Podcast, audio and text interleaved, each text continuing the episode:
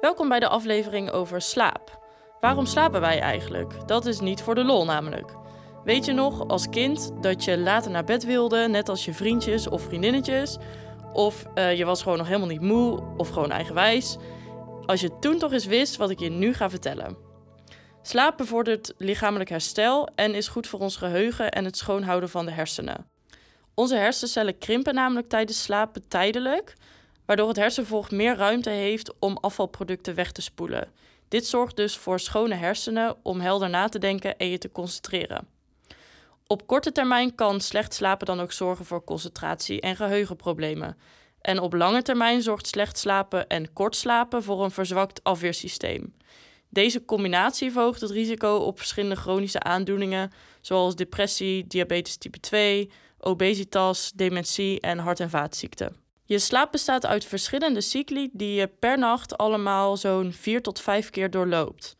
Meestal word je na elke cyclus even wakker omdat je lichaam checkt of alles in orde is. Of je bijvoorbeeld pijn hebt, of je blaas vol is, of je omgeving veilig is. En als er niks aan de hand is, dan slaap je terug in en begint de cyclus opnieuw. Eerst kom je in je lichte slaap. Dat is een korte periode van indoezelen. Hierin heb je nog slaapstuiten of kun je nog wakker worden. Dan kom je terecht in je diepe slaap.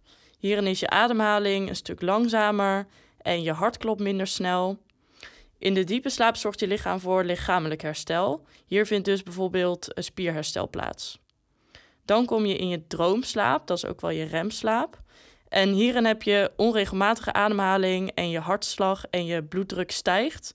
En je spieren zijn helemaal ontspannen. Je ogen bewegen snel heen en weer en je bent vaak aan het dromen. Tijdens de remslaap vindt emotioneel en mentaal herstel plaats. Gegevens worden verwerkt en bepaalde dingen worden opgeslagen in je lange termijn geheugen. Je hersenen bepalen wanneer je wakker bent of wanneer je slaapt. En een belangrijke factor hiervoor is je 24-uursritme in slapen en in wakker zijn. Dit wordt onder andere beïnvloed door blootstelling aan helder licht. Daglicht zorgt dan ook voor het bijstellen van dit ritme. Het is daarom goed om in de ochtend zo vroeg mogelijk buiten te komen en door de dag heen zo vaak mogelijk daglicht op je huid te hebben. Voor je hersenen is dit waardevol omdat zij zo informatie binnenkrijgen aan de hand van de hoeveelheid licht op het netvlies van je ogen. Het stelt je 24-uursritme bij, waardoor je als het donker wordt melatonine gaat aanmaken. Dit kan ook alleen maar in het donker aangemaakt worden. Melatonine is een belangrijk slaaphormoon wat je nodig hebt om je slaapwaakritme te behouden. Daglicht op je huid in de ochtend zorgt er namelijk weer voor dat de aanmaak van melatonine wordt stopgezet. Zo zie je dat buiten zijn belangrijk is om jouw lichaam te laten weten of het tijd is om wakker te worden of om zich voor te bereiden op slaap.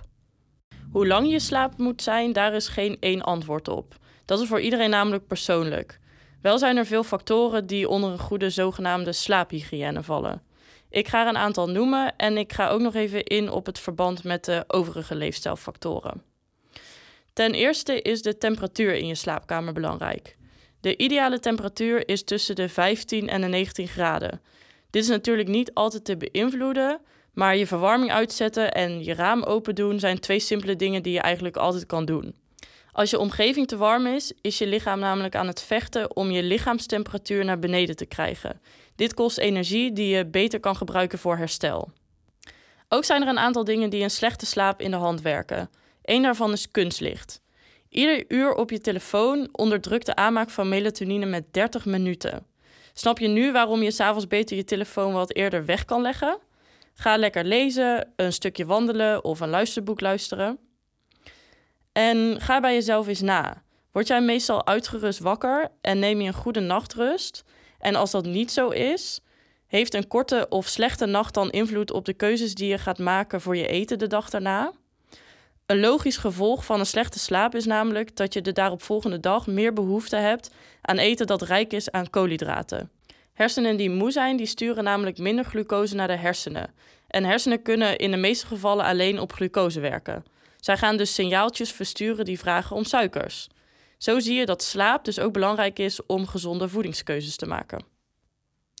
Eten en dan met name koolhydraatrijk voedsel voor het slapen gaan zorgt voor minder efficiënte slaapfases.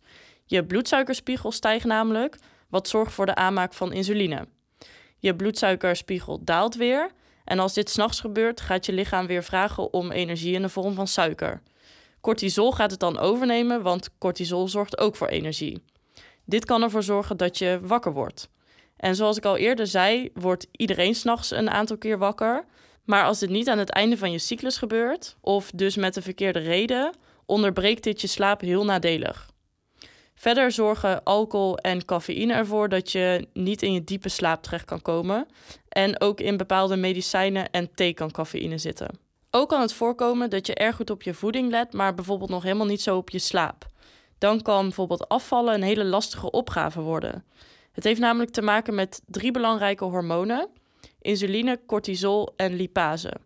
Een wisselwerking tussen die drie reguleert de vetopslag, spieropbouw en afbraak en je hongergevoel. Ook spelen groeihormonen zoals HGA, dat is het Human Growth Hormoon, en testosteron een belangrijke rol bij spier- en weefselopbouw en het stimuleren van je eiwitsynthese en stofwisseling. Het zijn dus opbouwende hormonen die tijdens slaap het hoogste zijn. HGA zorgt er daarbij voor dat je energie kan halen uit vetreserves. Er is een zogeheten anabole slaapfase waarin deze hormonen een piek hebben. Dit is tussen 10 en 2 uur. Het is dus belangrijk om de anabole slaapfase mee te pakken en zo goed mogelijk te slapen als je gewicht wil verliezen of spieren wil opbouwen. Ik hoop dat je na dit verhaal het belang van goede slaap inziet. Slaap is vaak een onderschatte factor, maar dus erg belangrijk voor een gezond lichaam. De laatste aflevering zal gaan over ontspanning en stress en dat is een korte om mee af te sluiten.